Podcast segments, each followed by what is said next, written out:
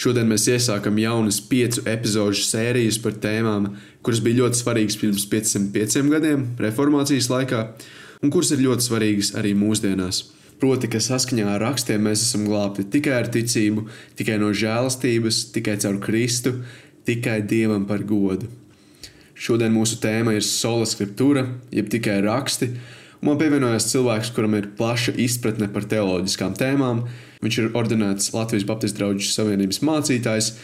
Viņš ir sarakstījis gandrīz tikpat daudz grāmatas, cik man ir gadi. Tas ir dr. Ilmārs Hiršs. Pirms, pirms mēs sākam, uh, es gribētu zināt, kā tev interesēja teoloģija? Nu, jāsaka to, ka man vienmēr ir paticis mācīties. Tas laikam ir ļoti tā neordināri, jo parasti nepatīk mācīties, nepatīk likt eksāmenus. Man patīk Man pats process patīk. Ne tikai mācīties vienu, uzzināt kaut ko jaunu, bet man patīk likt eksāmenus. Un uh, uz mācīšanos man ieinteresēja toreizējais bīskaps Jānis Tervits. Viņš ieraudzīja to, ka man patīk mācīties un uzaicināja mani kā vienīgo laju, tātad negarīdznieku, uz savu tādu neklātienes bībeles skolu. Es viņu nobeidzu, un es redzēju, ka ar to vien tā kā pamaz jāmeklē iespējas vēl mācīties. Un tad nonācu Vācijā, un tur sākās man teoloģiskā mācīšanās, un kas nobeidzās ar to, ka jā, 48 gadi man bija, ka man dzīve pilnīgi pārvērtās. Pārvērtās, kad es atstāju savu laicīgo darbu, pārgāju strādāt uz Baptistu draugu savienību, kļuvu par teoloģiskā semināra direktoru, par mācītāju un paralēli mācījos eh, teoloģiju. Ieejot tēmā sola scriptūra, uh, vairāk par reformāciju. Kas, kas vispār ir sola scriptūra? Tad man jāsaka to, kas ir reformācija. Reformācija bija tāda reliģiska, politiska kustība Rietumē Eiropā, kas cīnījās par pārmaiņām reliģiskajā dzīvē. Tās reformācijas mērķis bija reformēt katoļu baznīcu Un rezu, reformācijas rezultātā tātad nostiprinājās jauns kristietības virziens, protestantisms, kurā izveidojās vairākas jaunas konfesijas - luterisms, reformisms, anglikānisms, presbiteriānisms, arī anabaptisms. Tātad manas konfesijas saknes arī ir meklējams reformācijai par reformācijas oficiālo sākumu uzskata tātad 1517. gada 31. oktobri, kad augustīniešu ordeņa mūks, Vitenbergas pilsētas universitātes teoloģijas profesors Mārtiņš Luters publiski uzstājās pret grēku atlaižu tirgošanu un pie baznīcas durvīm pienagloja savus 95 tēzes. Tās praktiski vi, gandrīz visas bija vērstas pret indulgenci, tas ir šo grēku atlaižu tirgošanu. Kaut gan visas kustības mērķis, protams, bija daudz plašāks - reformēt toreizējo baznīcu Eiropā. Tā toreizējā baznīca bija nonākusi, nu, pavisam, kļuvusi pavisam pasaulīga. Ārēji viņa bija stipra un varena, iespiedusies visās dzīves sfērās, ar neierobežot pāvestu varu, bet iekšēji no Kristus mācības atkāpusies. Un tas attiecās tieši uz baznīcas augstāko slānu, uz garīdzniekiem, mūkiem, pat pāvestiem. Viņi centās sagrābt savās rokās varu un pēc iespējas nostiprināt savu varu un iegūt pēc iespējas lielākus ienākumus un nonāca tik tālu, ka, lai iegūtu tos ienākumus, viņi sāka tirgot grēku atlaides. Cenu noteica atbilstošā maksātāja sabiedriskam stāvoklim, bet toties tad, nu, pāvestu vārdā tas cilvēks bija uz visu mūžu atbrīvots no grēkiem. Katrs kas protestēja pret, šo, pret baznīcas tādu iekšējo pagrimumu, tika sodīts, izslēgts no baznīcas, sodīts inkvizīcijas tiesā. Nu, ar tādu stāvokli visi nebija apmierināti. Daudz saprat, ka baznīcai jātop atjaunotē. Proti, jāatgriežas atpakaļ pie svētiem rakstiem. Un principā šādai atjaunošanai jau jānotiek nevis kā tādām vienreizējām aktām vai procesam, bet tai atjaunošanai jānotiek nepārtraukti. Tam jākalpo, šim mērķim jākalpo katram sprediķim. Baznīca ir jādzīvo no dievvvārda.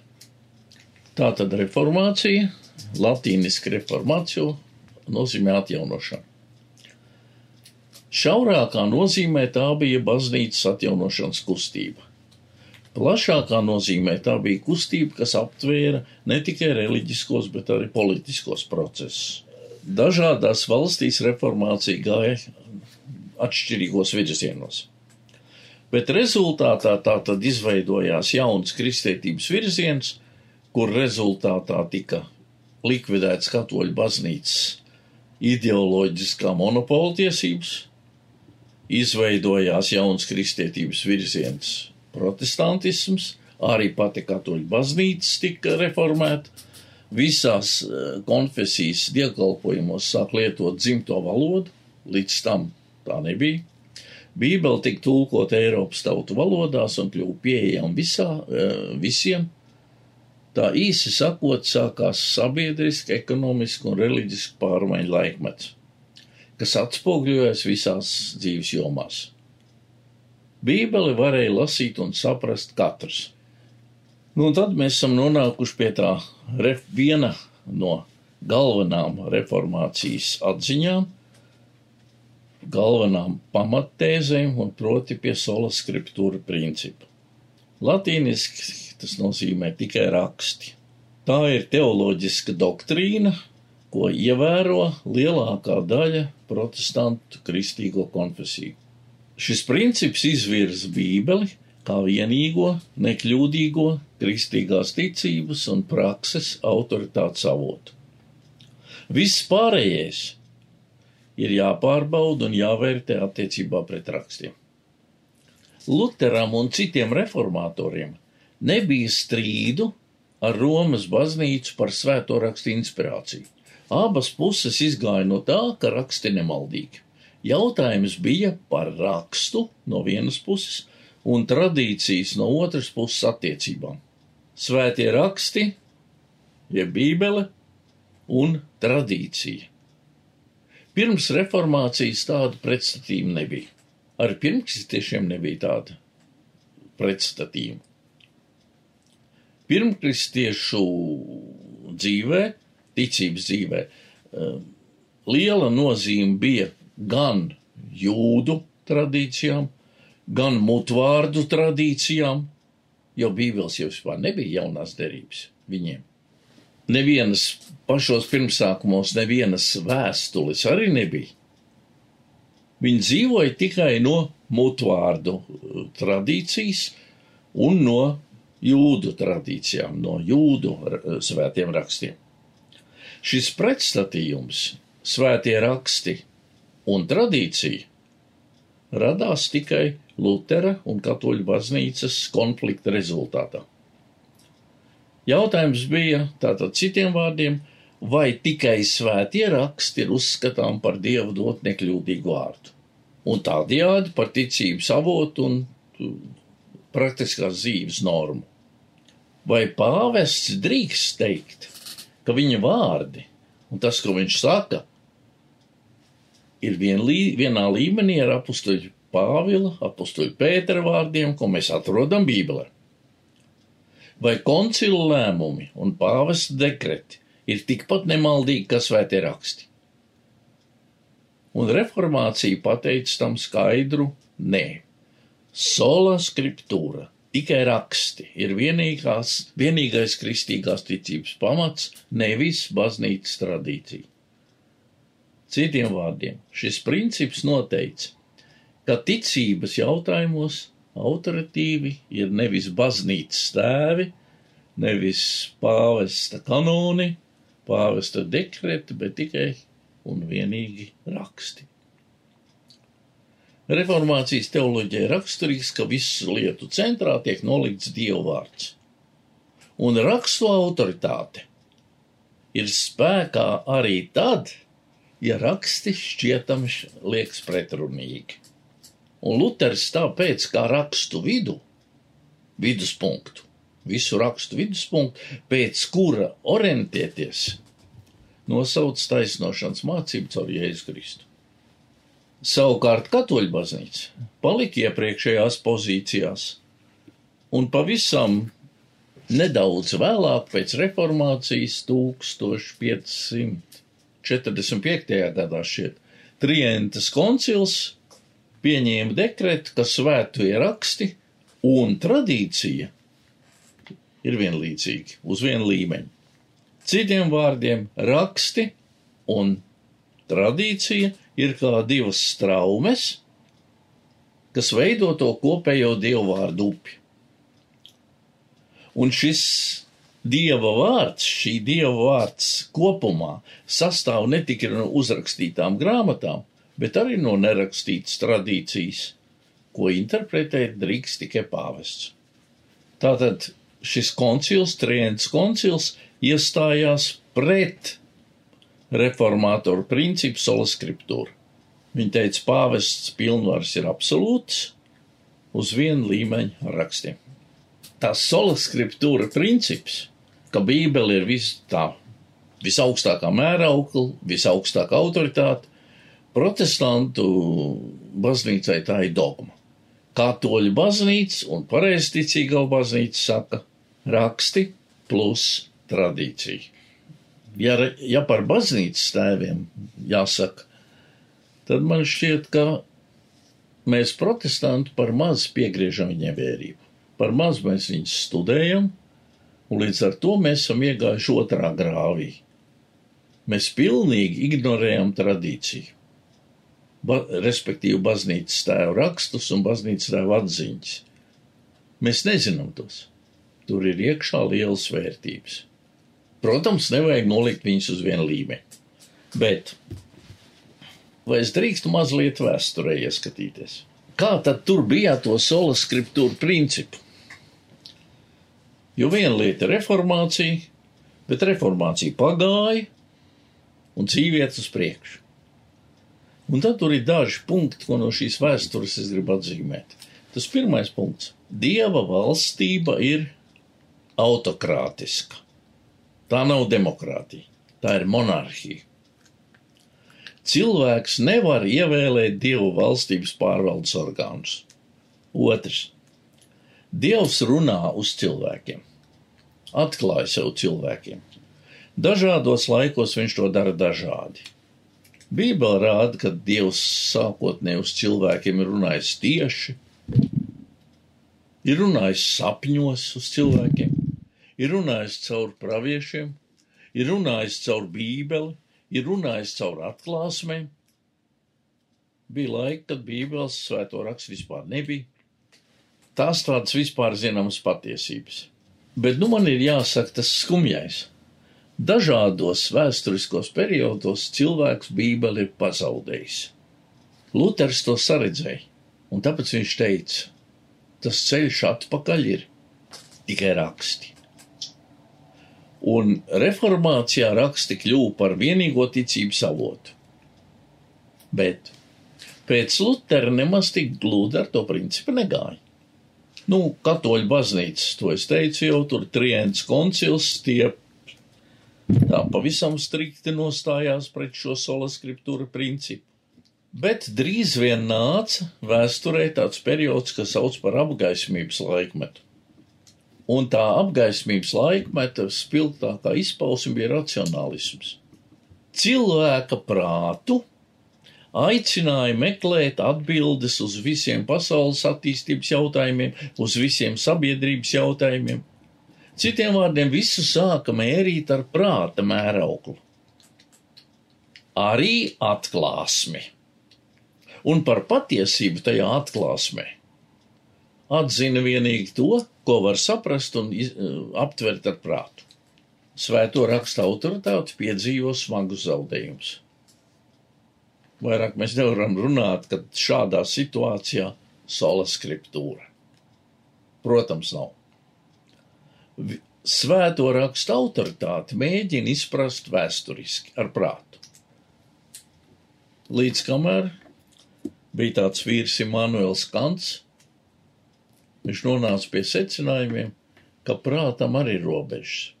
Ar prātu nevar izprast realitātes, kas atrodas aiz mūsu pieredzes. Tā teoloģiskā domāšana, ko apgaismības laikmets bija iztukšojis, nu pēdējais pamats tiek atņemts.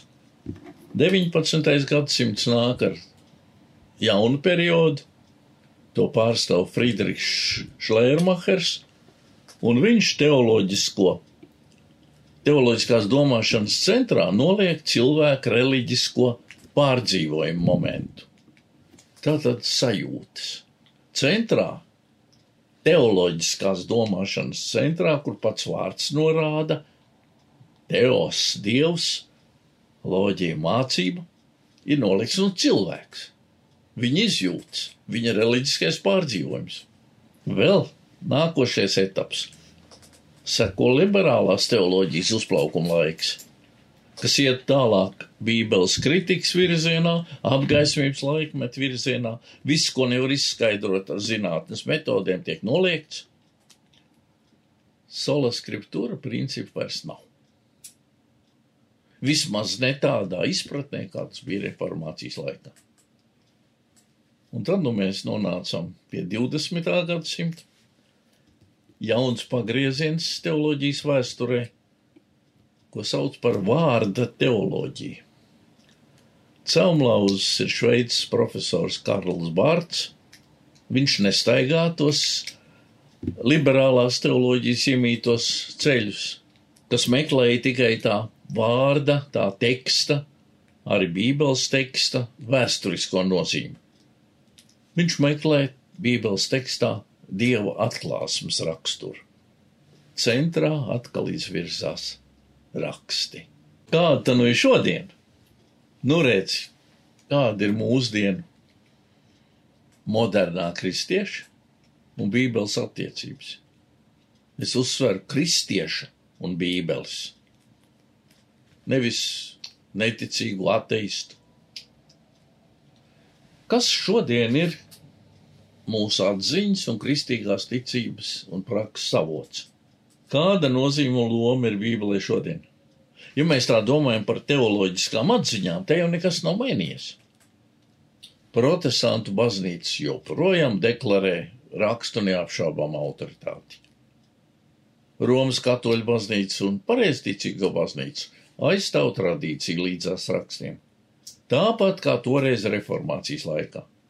Un tomēr es gribu teikt, ka arī protestantu konfesijām sola skriptūra vairs nav pats par sevi saprotams princips.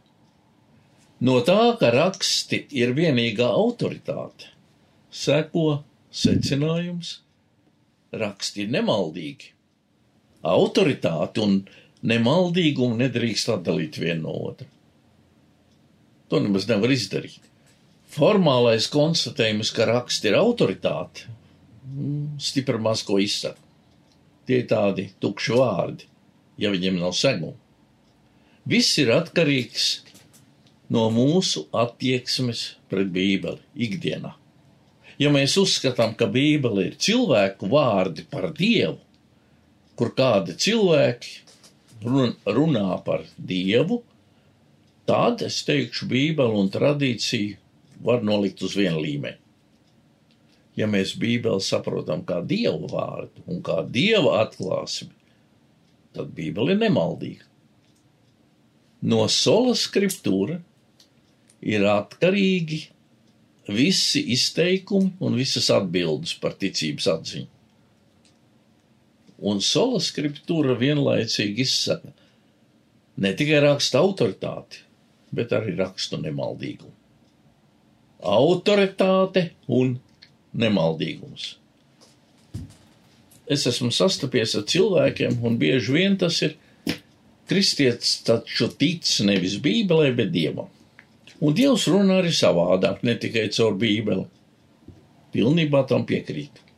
Bet tikai kā lai mēs izvērtējam? Vai tas, kas man šķiet kā Dieva runa, patiesi tāda ir?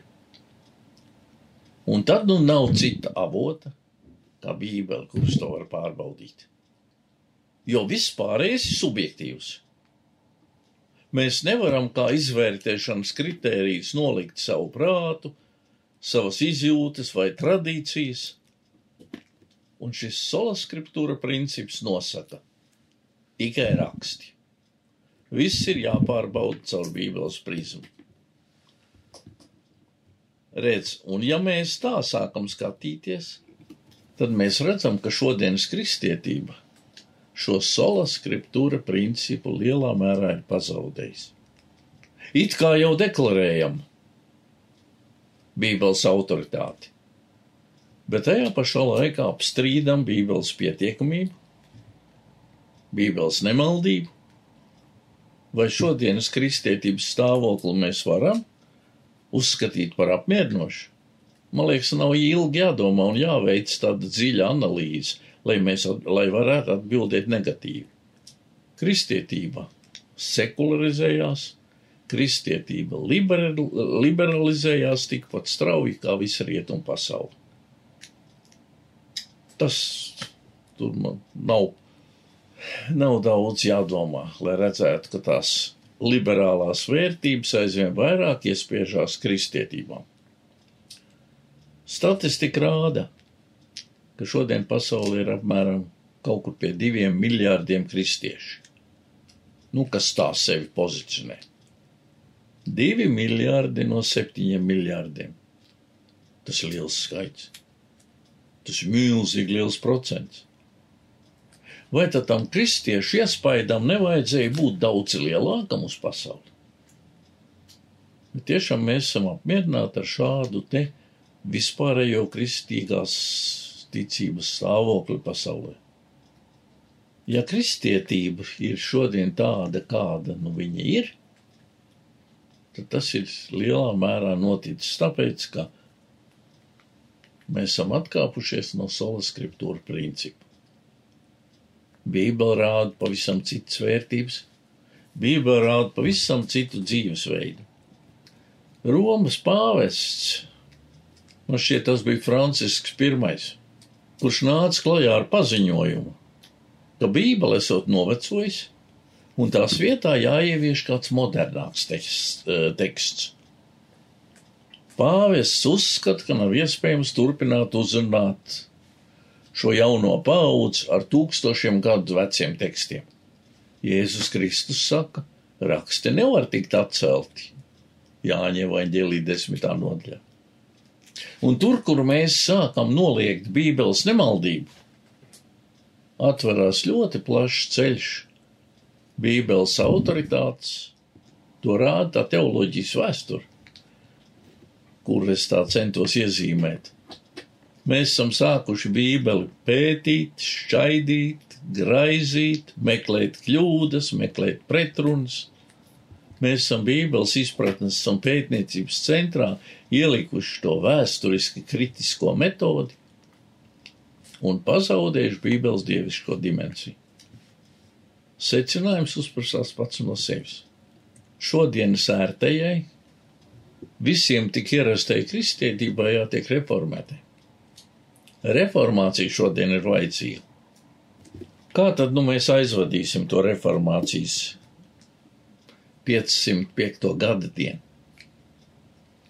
Sarīkosim kādus pasākumus. Atcerēsimies Mārtiņu Luteru. Nolasīsim tā lekciju par viņu.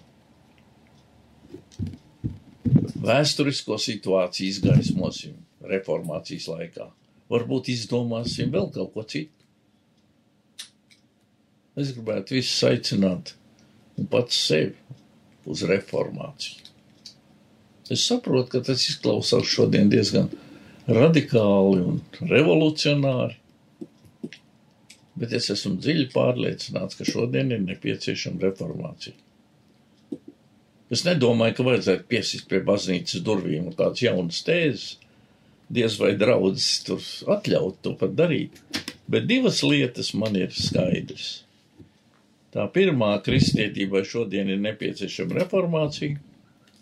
Mēs esam stipri vien attālinājušies no Jēzus Kristus mācības, no Jēzus Kristus gara, arī no pirmo kristiešu atziņas un dzīvesveida.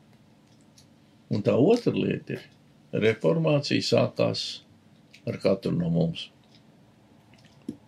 Sāksim domāt par to, vai mūsu dzīvēs un mūsu uzskatos nav sakrājušās tādas ārā metamas, reformējums lietas. Kristietība taču esam mēs visi kopā.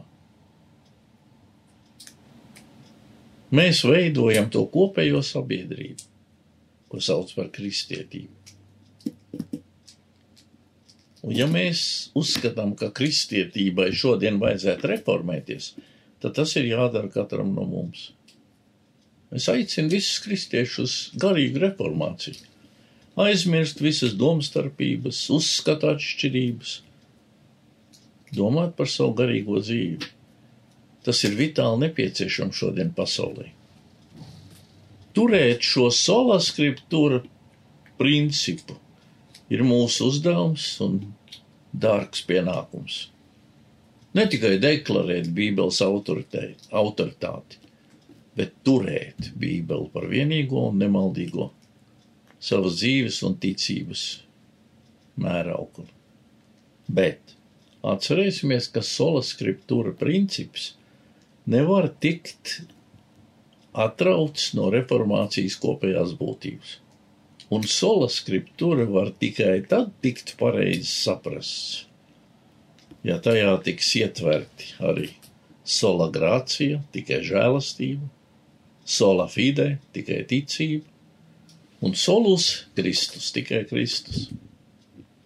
Atpakaļ pie Bībeles, atpakaļ pie tā Mārtiņa Lutera deklarētā sola skriptūra lai reformācijas gadu diena iedvesmo mūs ne tikai uz atcerēšanos un atzīmēšanu, bet uz izmainīšanos, uz tādu personīgu, garīgu reformāciju. Paldies, Ilmār! Šis ir bijis fantastisks ieskats gan vēsturē, gan mūsdienās, un kā sava veida reformācijai ir jānotiek arī mūsu dzīvēm. 2. Timotejam 3.16 saka, ka raksti ir dieva iedvesti. Tas norāda uz to, cik, cik tie ir unikāli Tāpēc atgādinājums eh, jums ir lasīt tos katru dienu. Un tad iegriezties podkāstā nākamajā svētdienā, kad būsim jau par nedēļu tuvāk reformācijas dienai, un mēs runāsim par ļoti svarīgu tēmu - sola fide, jeb tikai ticība.